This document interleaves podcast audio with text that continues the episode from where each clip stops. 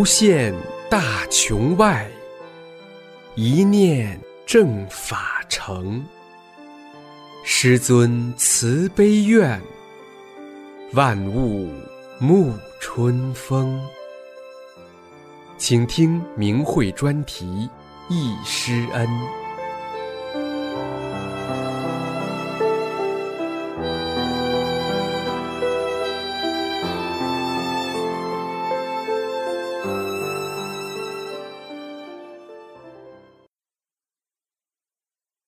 请听易师恩专题文章：师尊三次来澳洲的点滴回忆。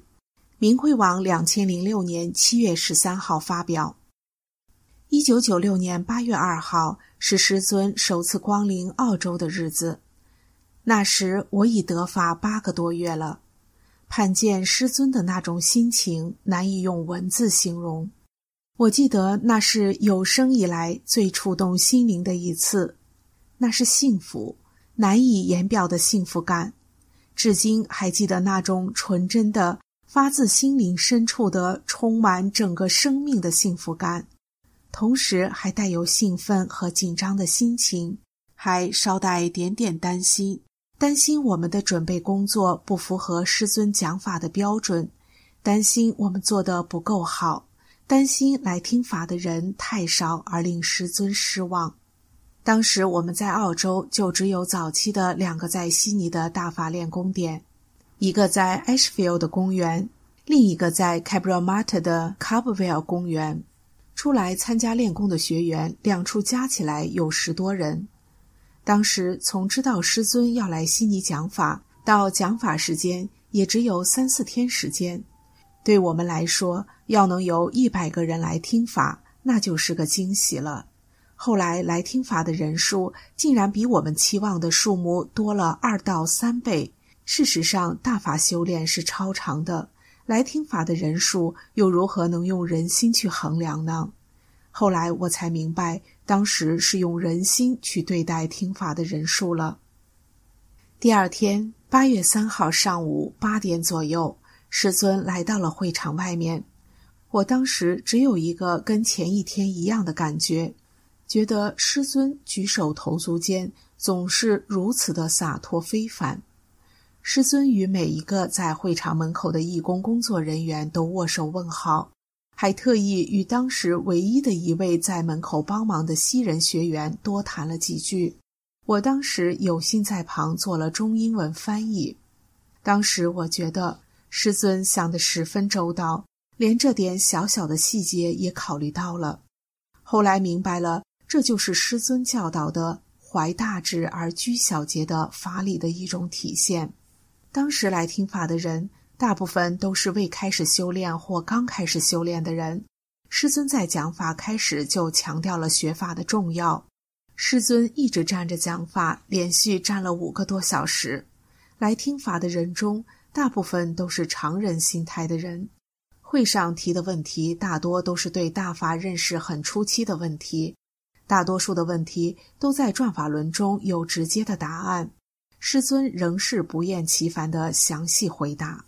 其中，师尊在回答问题讲到释迦牟尼佛的时候，有这段话：当年释迦牟尼佛在世的时候，魔说：“我现在乱不了你的法，等你的法进入末法时期的时候，我派我的弟子、徒子、徒孙们出家到你的庙里去，我看你怎么办。”释迦牟尼佛当时就流泪了。释迦牟尼佛当然他没有办法呀，到末法了也就乱了。他讲的末法时期不只是人呐，不只是庙啊，人类社会到处都有破坏人类事业的事情存在，这样的人存在。出自法轮佛法在悉尼讲法。我当时看到师尊讲这段法时，眼里带有点点泪花。心里产生很大的震动，觉得大概是师尊看到渡人的艰难与当时释迦牟尼佛渡人的艰难，乃感同身受啊！我也不自主的眼里充满泪水。一年后，有次在国内与其他同修回想讲起此事，不少同修都不禁流泪。几年过去了，现今想起当时的情景，仍是昨天一般的清晰，一般的感慨。当时震撼的心里，只为释迦牟尼佛难过，更希望能为师尊有所分忧。但现今明白了另一种法理，其实释迦牟尼佛当时并非为自己流泪，而是为其弟子而流泪。而我们的师尊又更何尝不是为业力深重的众生而流泪呢？在讲法结束后，师尊在会场亲自为全体在场的人净化身体。师尊走出会场时，有学员请求师尊在转法轮书上签名。随后，很多人都要签名，大概是当时大多数人都还未看过转法轮。师尊很照顾当时这些学员的心情，在不停的签，直到天快黑了还在签。最后。师尊和在场的学员一起合影留念。我记得这一整天，师尊只有在下午简短的法会间隙时间里喝了点儿瓶装水，从早上直到天快黑了，还未见吃什么充饥的，还要照顾到我们这些新学员的又签名又照相的要求。现在想起，仍觉得我们澳洲学员真是又幸运又惭愧。师尊第一次来澳讲法时，与几个弟子走过悉尼达令港时，对学员们说：“大意，在达令港这地方建立个练功点不错嘛。这地方人也多，还免了花钱在报纸上介绍法轮功了。”师尊离澳几天后，我们两三个学员开始了在达令港练功点的周末练功活动。随后来参加达令港练功点周末练功的学员越来越多，将近十年来极起极落，甚至中共特务也曾向达令港管理层施压，要停止我们这个练功点。达令港练功点的练功活动虽然并没有完美的百分之一百保证下来，但基本上都未曾有长时间停下过。基本上周末的练功时间都能够保证有学员在练功。近几年来越趋稳定，其中有不少学员的默默付出。达令港练功点始终都是悉尼，也是澳洲的主要对外练功点之一。人多的时候，练功人数超过二百人；少时也有二三十人。有很多学员从达令港练功点得法。大概是一九九六年十一月二十四号星期天早上十点左右。我们二十多个学员正在练第五套功法神童加持法。我突然像有什么预感，自然地睁开眼睛一看，随即心里一震，师尊正向我们走来。一开始还以为自己眼花了，但很快就看见一路小跑在师尊后面的一位老大姐同修，对我打手势，意思赶快起来迎接师傅。但随即看见师傅打手势，叫我不要动，继续练功。我于是还是坐在那里不动，但禁不住再看看师尊。见师尊很快从身边经过，踏地无声，还是轻飘飘的走法，并不觉得师尊走得快。但随后跟着师尊而来的几个学员，却是在大踏步跟着，却仍拉开一段距离。师尊站在后面看学员练功。我当时是负责拿练功用的录音机，坐在那里练功，却让师尊站着看我们练功，自己总觉得不是滋味儿。师尊为学员们考虑，明显不想打断学员们练功。过了一会儿，我心里七上八下的，觉得还是不应让师尊站在后面等我们练完功。我们的打坐才开始十几分钟，我硬着头皮，轻脚走到师尊身前行礼后。询问师尊，我是否应叫大家停下来，好让师尊会大家？师尊笑笑说：“还是要让学员们练完功再说。”于是我也只好站在旁边，再也没有谁说话了。又过了好几分钟，在当时的我看来，当时那段时间可真漫长。我终于又鼓起勇气问师尊：“师傅，我叫他们停下来好不好？”师尊又笑笑，看看我，音乐停了也就停了。我想了想，慢慢走进放音机，把音乐慢慢调小，停下，并向大家说：“师傅来看我们了。”工友们睁开眼睛，自然很多人不相信自己的耳朵，还愣愣地四处看。据当时在场的一位老学员回忆说，他当时刚睁开眼睛，看到师傅祥和地坐在那张没有靠背的公园凳子上看着大家，还以为是看到了师傅的法身呢。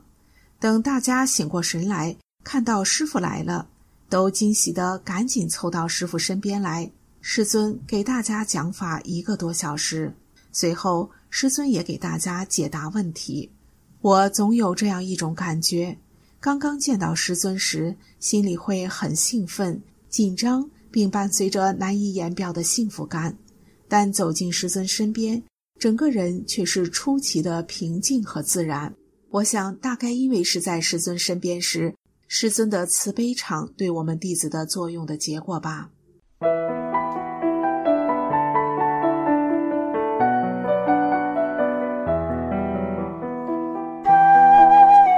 您现在收听的是明慧专题《易师恩》。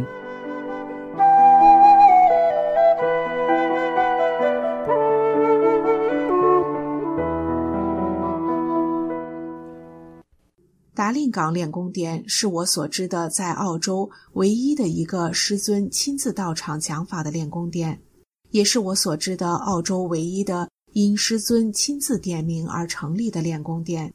这个练功殿环境优美，东靠市区，南有一长长喷水池，北面连接一人行道后就是港口海水大水池，西连着达令港主要的行人通道。每至周末，行人游人总是不断。我们练功的区域生长着几排树木，地面是达令港不可多得的沙地面。印象中，每每到我们练功时间，尽管天气看起来要下雨，雨总下不来，常常是等我们练完功后才下雨。很多小弟子看到早几年时，已有学员身体是透明体的，更常常见树上树顶盘旋着巨大的法轮，还有师尊的大法身。练功点后面几米处就是连着海港的大海水池。水池面在练功时间飘满了朵朵莲花，美不胜收。小弟子们关于达令港练功殿神奇的故事可不少呢。无论是春夏秋冬，在达令港练功殿练完功后，那种舒畅奇妙的感觉总是不少的。什么时候大家有机会来悉尼市，千万别忘了参加达令港练功点的周末练功，早上九点到十一点。师尊亲临达令港练功点的消息很快传开，于是不少学员表示希望能见上师傅一面。师尊答应了，所以在一九九六年十一月二十六号晚，师尊与澳洲学员再次见面，地点在悉尼市中心的 Masonic 中心。这次来听法的学员人数估计超过六百人。从师尊第一次在悉尼讲法至今，短短三个月。澳洲练功学大法的人数猛然增加。当晚，我站在法会门前招呼前来法会的人员。我当时有个执着心，总希望和师尊握一次手，但还不至于敢造次妄为。对自己说，要是师尊向我伸手要握手就好了。但我知道自己是不配，也不应该主动把自己的凡人之手首先伸向师尊的。师尊果然准时到达，似乎看穿了我那充满执着的人心。师尊宽厚的笑着，向我伸出手来，握上师尊那柔软温暖的大手，有一种难言的幸福感。只不过如今想想当时自己的心态，还是觉得很汗颜、很惭愧。师尊照顾他人感受的言行举止，总是那样的细致周到。师尊的这次讲法讲了很多，我印象中是第一次听到师尊对宇宙层层结构的讲法。那时开始觉得大法大的难以想象，像师尊所提到的，难以用人的语言去形容。我另外还记得，当时有个南澳来的学员提问，希望师尊讲讲当时在国内法轮功的发展情况。师尊回答中。提到国内已有上亿人在修大法，最后会场租用时间到点时，还有不少学员意犹未尽，希望师傅多讲讲。但师尊表示，若超出会场租用时间，租场地的费用就要多交。为了不增加学员们的经济负担，最好还是尽量按时结束。师尊的一言一行，每次都体现了对学员们的关心。一九九九年五月二号至三号，召开了全澳法轮大法修炼心得交流会，在达令港国际会展中心大厦召开。当时有来自世界各地两千七百多学员参加了这个法会，师尊也到来了。由于当时举世瞩目的四二五法轮功万人和平上访刚刚过去一个星期，各媒体中外记者纷纷想采访师尊。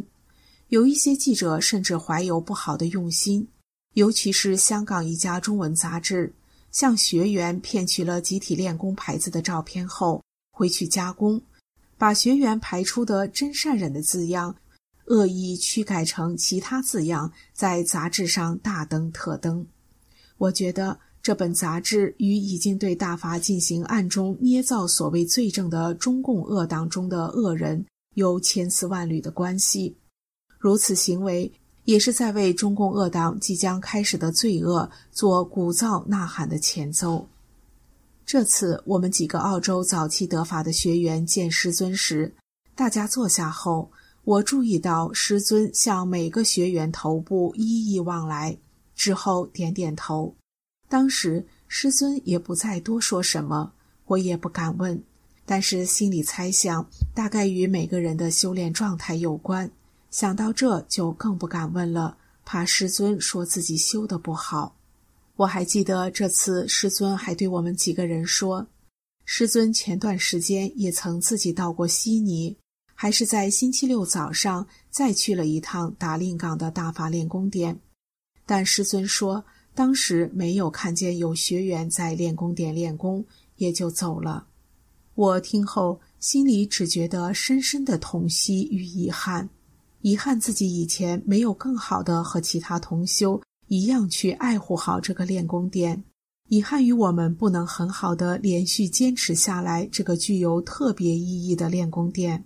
近几年来，达令港的大法练功殿都正常的进行着，感谢那些能一直以来默默坚持的同修们。五月三号晚法会结束后，师傅和一些弟子一起用餐。觉得师傅当时表情有些深沉，大家好像也同时感到心情有些沉重。当时师傅见大家不动筷，便笑着鼓励大家多吃点。师尊自己却吃的很少。两个月后，中共恶党开始了对一亿大法修炼者的全面迫害，数次亲见师尊。最常见师尊穿的是件洗得干干净净的、颜色开始变淡的 T 恤衫。师尊总是穿洗得干干净净的，几乎是一样的衣服。饮食方面更是简单。这方面的故事以前常听国内同修提及。我的感觉是，除了大法的浩大无边无止境，师尊的言谈举止也永远有我们弟子学不完的。以上的这些回忆。是我把自己所见所闻所感，尽量以真实无误之语原本展现。只有这样朴实的语言和纯净的心态，才配得上讲述这么珍贵的回忆。您现在收听的是明慧广播电台。您现在收听的。是明慧广播电台。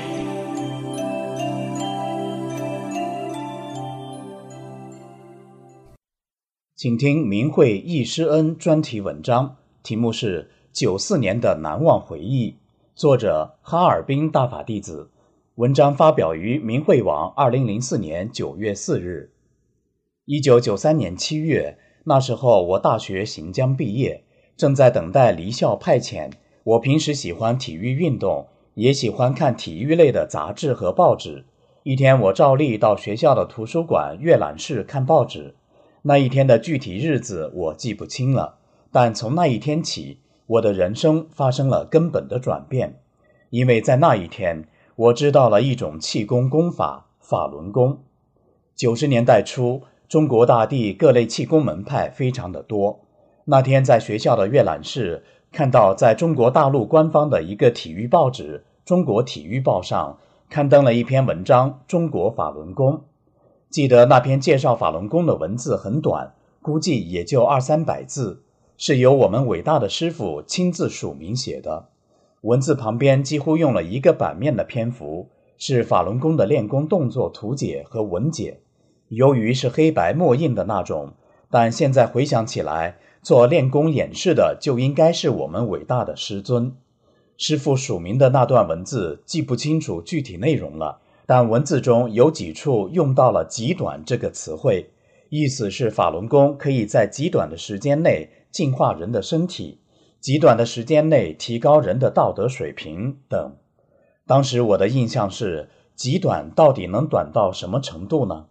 因为当时中国大陆的气功门类太多了，我从小就对气功和宇宙的奥秘感兴趣，也接触了一些当时很有名的气功，喜欢看飞碟探索。但所有接触过的气功中，没有一个可以解答我对宇宙、对人生思索的种种疑问。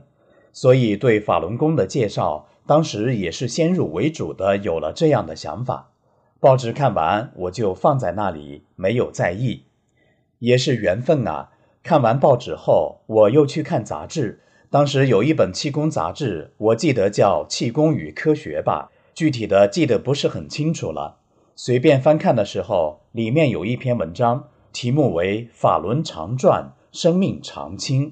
我记得好像是一位石家庄早期参加过师傅传法班的学员写的。在文章中，这位学员谈到他参加师傅传法班的过程中所经历的种种神奇体验和发生在他身上的巨大变化。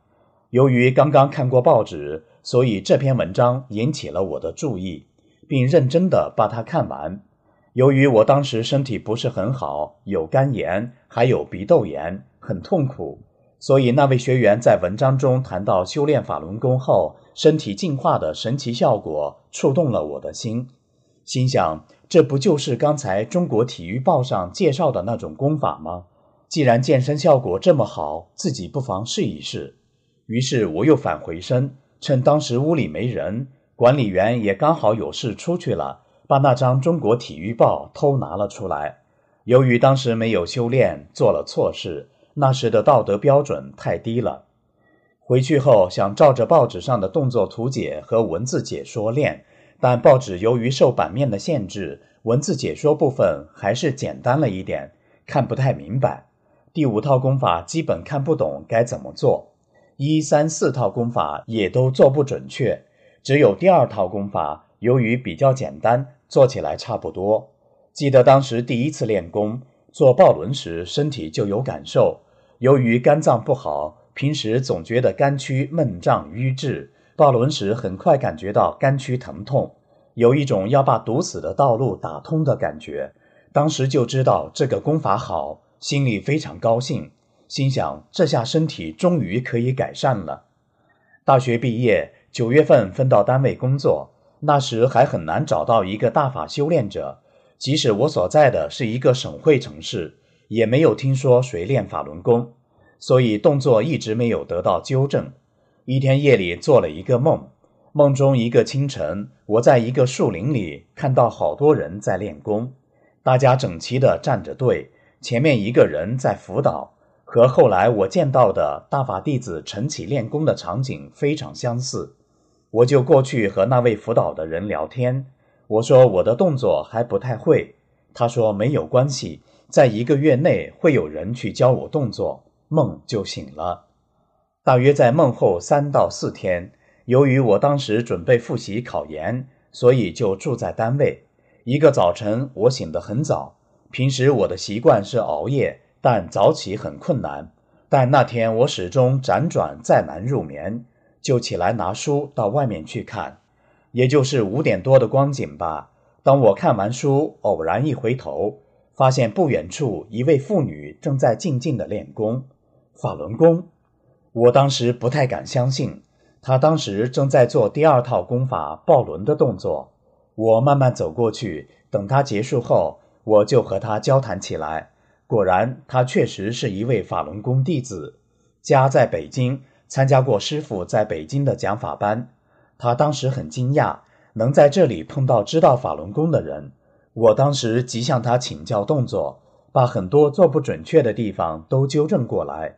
后来我们有一段时间的相处，期间我请到了师傅的早期著作《中国法轮功》，他对我的帮助很大。他返回北京后。曾经给我邮来过师傅的《中国法轮功修订本》和师傅一张端坐在莲花上的法像，并告诉我师傅可能在九四年到我们这里传法，要我注意。从那时起，我就开始留意报纸上关于气功师办班的消息，但一直没有看到关于法轮功的报道。九四年八月九日早晨，我出去买菜，然后就随便在院子里转一转。在一栋学生宿舍的门前，发现有一群人在练法轮功，当时感到很惊讶，因为以前并没有在我住的院子里发现大法的练功人。我走过去打听，才知道他们是来哈尔滨参加师傅讲法班的外地学员。当时学生放假就租住在这里，从他们那里才知道师傅在哈尔滨的讲法班八月五号就开始了。我问他们在哪里。还能不能买到票？他们告诉我在哈尔滨八区飞驰冰球馆，票估计是没有了，但我可以去试一试。我记得师傅讲课的时间是在晚上五点多。九号那天我去的比较早，刚站到冰球馆的门前，就从里面走出来一位女性。她走到我面前，问我是否需要听课的票。我说要，她就直接把我领到里面。卖给我一张票五十元，后来我知道她就是冰球馆的工作人员，所以我的座位比较好，不是在上面的观众席，而是在冰球队员休息的地方。由于当时时间还早，他把我领到座位后，我们还聊了一会儿。我知道那张票原来是他买的，我就问他为什么不听了。他说功法是好，但师傅要求的太高太严格，他做不到。我记得这位工作人员姓朱，那一天好幸福啊！上课前，冰球馆里坐满了人，大约四五千人吧。据说绝大多数都是外地来的。师傅进来了，满球馆里响起了平缓又发自内心的热烈掌声。师傅就从我的面前走过。师傅的身材结实又高大，穿了一件白色的短袖衬衫。师傅的脚步并不很快。就这样，在学员的掌声中走到冰球场地的中央，走到讲台上。我们的师傅，我简直不敢相信，我有这样大的缘分。在我的内心深处，我知道师傅就是佛，他就在我面前，他在为众生讲法。在听法过程中，师傅的面部很快就显现成了一个佛的形象。当时对法理解还不深，总想仔细去看。就看不到了，但只要放下心来听法，佛的形象就自然出现。师傅对哈尔滨的学员很关心，记得师傅在哈尔滨工人文化宫专门为哈尔滨的学员讲了一次法。那天我坐在楼上，周围有两位女学员，原来是学别的气功的，听别人介绍说法轮功好，就来听课。可能当时大家对法理解的还不是很深入。师傅讲课过程中就停下来，让大家体会体会法轮在手掌上旋转，还为在场的人或他们的家属去病。为了让哈尔滨地区的学员尽快提高上来，师傅后来还安排哈尔滨的学员和外地的学员进行交流，地点在哈尔滨师范大学的体育场。当天，师傅带在身边的一位学员去了。有一天，师傅讲完课。就站在离我不到两米远的地方听一位学员汇报工作，我就静静地站在那里端详我们的师傅。师傅要比照片上年轻很多，非常的慈祥。我当时脑海里什么想法都没有，就那样静静的站着，盯着师傅看，好像还不相信我能见到师傅。听课的学员走的差不多了，我也转身离去，走了不远。我不自主的又回头看师傅，这时我发现师傅在看着我。当看到我转身的时候，师傅就转过脸去。还有一两次，我看到师傅从体育馆里出来，就和其他学员一起自发地站下来鼓掌。好像是最后一天听课过程中，师傅显现佛的形象非常清楚，就和雕塑的佛像一样。佛形象的师傅也在开口讲法。后来佛的形象也看不到了，师傅座位的位置一片金光，只有师傅的声音在体育馆内回荡。课程结束后，很多的学员向师傅敬献锦旗，师傅亲自宣布建立了哈尔滨的几个练功点。并任命了义务为大家服务的站长和辅导员。在最后，师傅做了总结，很多记不清楚了，但内心深处知道这样的机会太难得了，知道师傅的伟大。所有师傅每讲一段话，我都发自内心的鼓掌。知道要信师傅，师傅告诉大家，在座的缘分都不浅，要大家无论以后遇到什么样的困难，都要记住师傅的话。难忍能忍，难行能行。结束的时候，师傅对着体育馆的一个方向做了一连串的动作，然后用右手掌对着全体的学员转了一周。每每回忆起那段经历，愈发的感觉到它的珍贵。师傅的音容笑貌，为众生付出的艰辛，也鼓励和震撼着我，在日后修炼的每时每刻。成为永远弥足珍贵的回忆，伴我走在正法的光明大道上。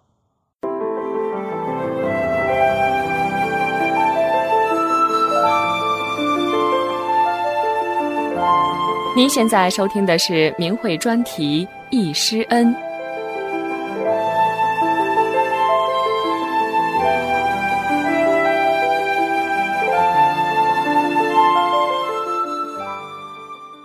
请听明慧忆师恩专题文章，《忆师尊在哈尔滨冰球场传法的日子》，作者黑龙江大法弟子青莲，发表于明慧网，二零一八年八月二十六日。每当我从明慧网上看到很多跟过师尊讲法班的老大法弟子在写忆师恩时，我的心里就非常的受感动。回忆起师尊在哈尔滨冰球场传法的那段日子，心里非常的激动，是感恩，是想念。师尊那一幕幕的笑容，那一幕幕的事迹，至今回忆起来历历在目，就像是昨天一样。我想跟过班的老同修对这段宝贵的时间都有同样的感受吧。光阴似箭，转眼一晃已经过去二十四年了。近日，我的心里总是想要写一师恩，想把我参加师尊讲法看到的事迹写出来与同修共享。一九九四年八月五日是我人生中最美好、最幸福的一天，也是我人生中最难忘的日子。婆婆听邻居大爷说，现在有一种功法叫法轮功，挺好的，是佛家功，能修炼，对祛病健身很有奇效。正在哈尔滨冰球场办班售票，几个老人听说后商量，咱们也去听听吧，路程也不算远，都说行。婆婆找到她的大女儿说：“我想去哈尔滨参加法轮功学习班，你能陪我去一趟吗？”她的大女儿说：“我的工作忙，加上孩子上学，你这一去就得几天，我没有时间陪你去呀。”我说：“婆婆，我陪你去吧。”咱们明天就走。于是我把孩子送到我妈家，邻居大爷马上给他儿子打电话说：“你去哈尔滨冰球场给我买四张法轮功入场票，我明天就去哈尔滨冰球场参加法轮功学习班。”第二天早晨，也就是八月四日，我们一行四人去往火车站。火车站离我家只有一公里的路程。因为邻居大妈和婆婆的身体都不好，都不能走路。婆婆身体有多种疾病，气管炎、风湿性心脏病、类风湿等病，平时在家里也不能走路，坐那儿喘气都困难，每天都得大把的吃药，成了有名的药罐子。邻居大妈患有严重的心脏病，每天都得靠救心丸来维持生命，一年四季药不离身，一走路就喘不上来气。我们四人只好打三轮车去火车站了。到了车站，我们坐上了去省城的火车。火车飞快地在龙江大地上奔驰，而我的心绪也随着飞转的车轮不停地转动着。说来就来了，都说功法好，怎么个好还是个未知数。可是心里就是想去。几个小时后，我们来到了哈尔滨冰球场。八月的哈尔滨，熏风拂拂，艳阳高照。人们穿梭似的在忙碌着，因为婆婆走路困难，我们就找个离冰球场最近的旅店住下了。大爷儿子在哈尔滨住，他去儿子家了。开班的第一天是八月五日下午，我们是步行去哈尔滨冰球场的，很近的路却走了很长时间，还把婆婆累得够呛。好不容易走到了冰球场，进场一看，这么多人啊！大概有四千多人吧，我们坐在中排。不一会儿，师傅来了，和大家招手。我们都目不转睛地看着师傅，因为距离师傅远一点，看不太清楚师傅的容貌。但师傅的声音清脆洪亮，音质特别的好听，听后觉得很舒服，暖融融的，真是佛法啊！来时的想法顿时烟消云散了。心里有说不出来的好，就是个好，真是佛光普照，礼义圆明。出自《转法轮》，师傅啊，弟子得法了。工作人员给桌子上放了几个矿泉水，也看不见师傅喝。讲法时，师傅手里有个小纸条，偶尔能看一眼。但师傅讲出了宇宙、时空、人体之谜，讲出了佛法的博大与深奥。真是佛法无边啊！第二天听法来回的路上就不太累了，气色也好了，心胸宽敞，乐呵呵的。第三天师傅给我们净化身体，婆婆抽了五十年的烟也不抽了，把烟从二楼扔下去了，身体也变轻了，走路也不费劲了。我曾有多年偏头痛的毛病也好了，走路就像有人推的一样。大爷大妈的变化也很大，大妈的身体也变轻了，喘气也通畅了。哎呀，这法轮功太神奇，太伟大了，真是大法红传留神迹，草木沾恩有余方啊！真幸福，太幸运了，感恩的泪水不时的夺眶而出。谢谢大法师父。记得有一天师尊讲完法。我们走到门口，怎么这么黑呀？往天上一看，黑黑的天空，乌云翻滚，顿时电闪雷鸣，轰轰的作响，震动着大地，马上就要下大雨了。我和婆婆说：“怎么办呢？走还是不走？快点走！”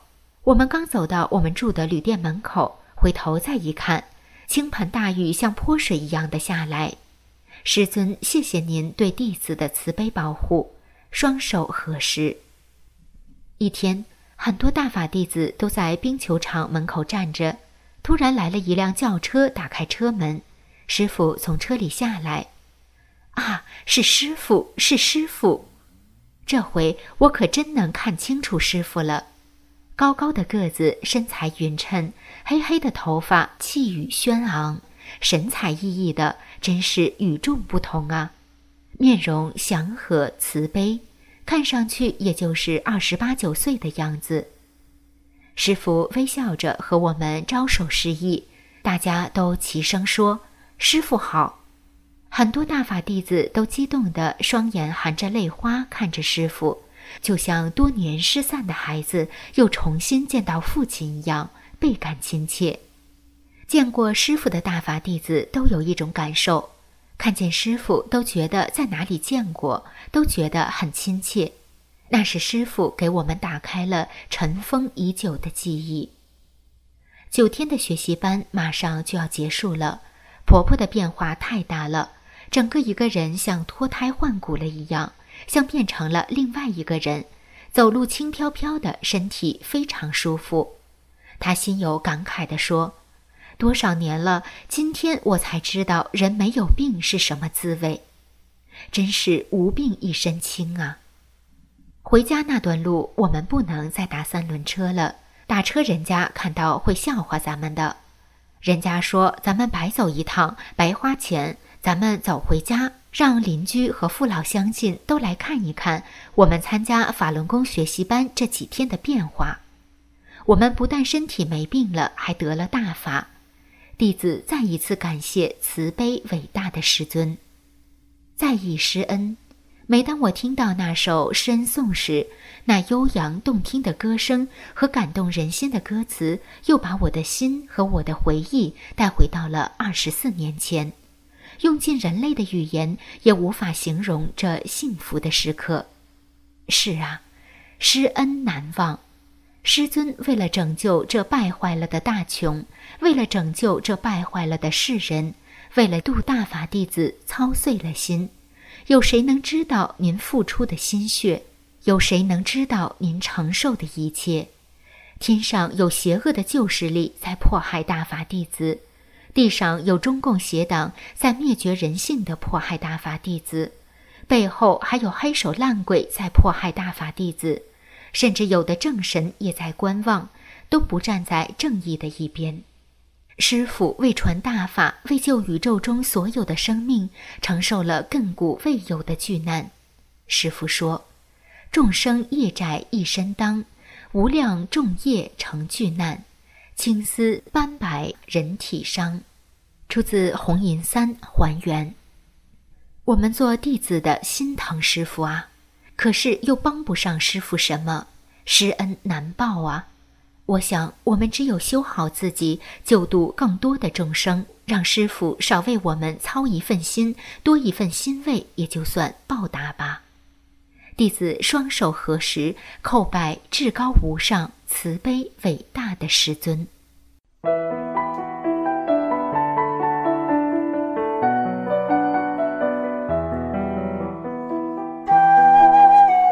您现在收听的是明慧专题《忆师恩》。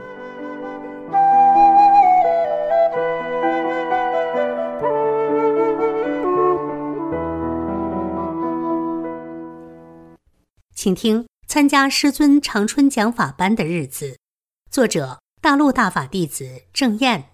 本文二零零六年九月二十日发表于明慧网。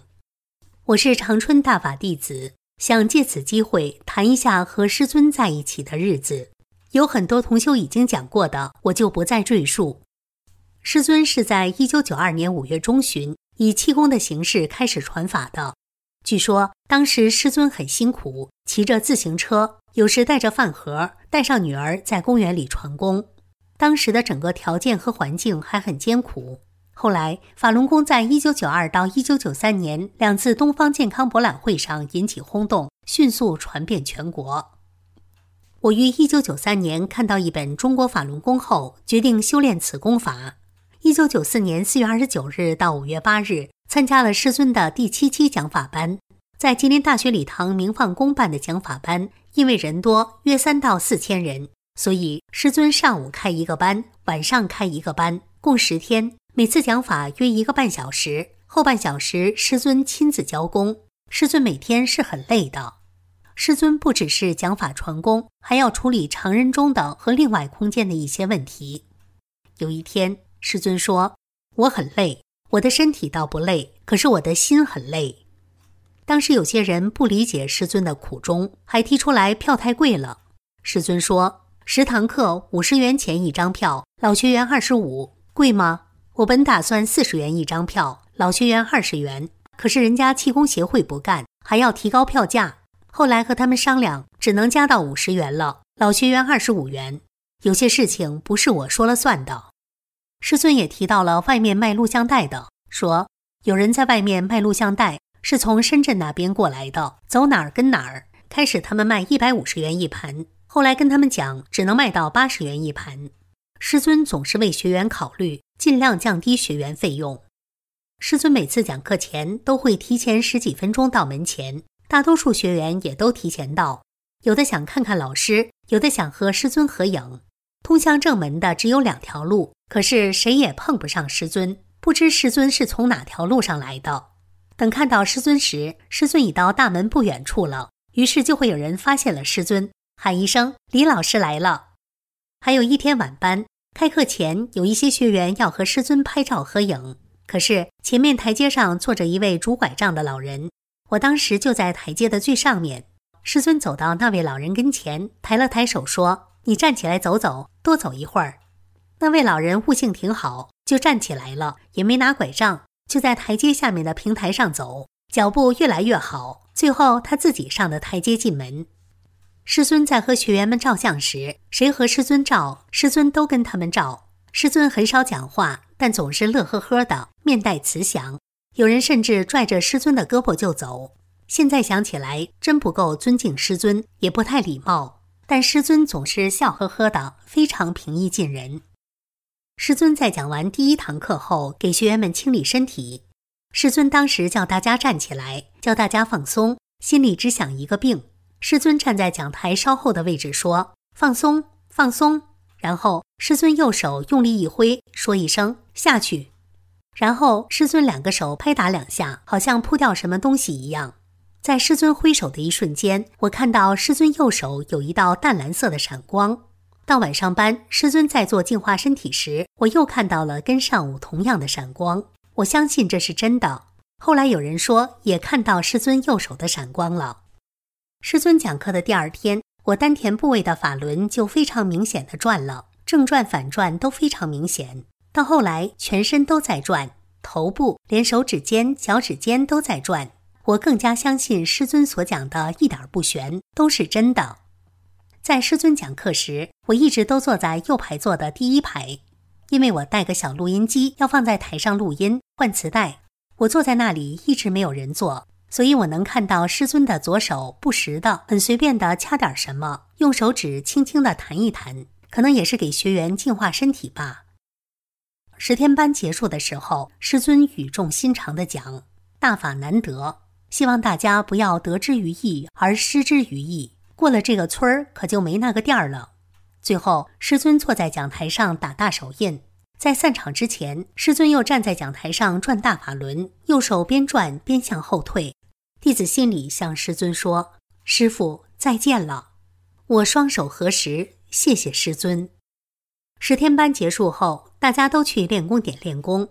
第一天和第二天两天早上练抱轮时，我们练功点上有人看到所有练功人都是奶白体状态。以后发生在练功人身上的玄妙神奇之事太多了，数不胜数。现在回忆起来，正像师尊在转法轮中讲的。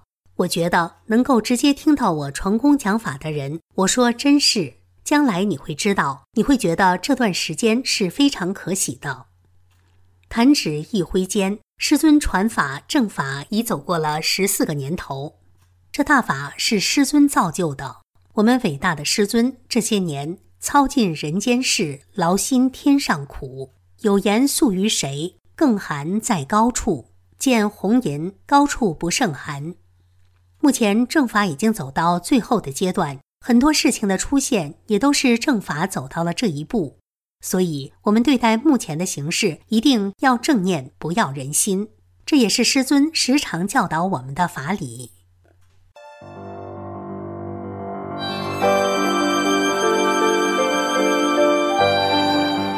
这一期的易师恩就到这里，谢谢收听。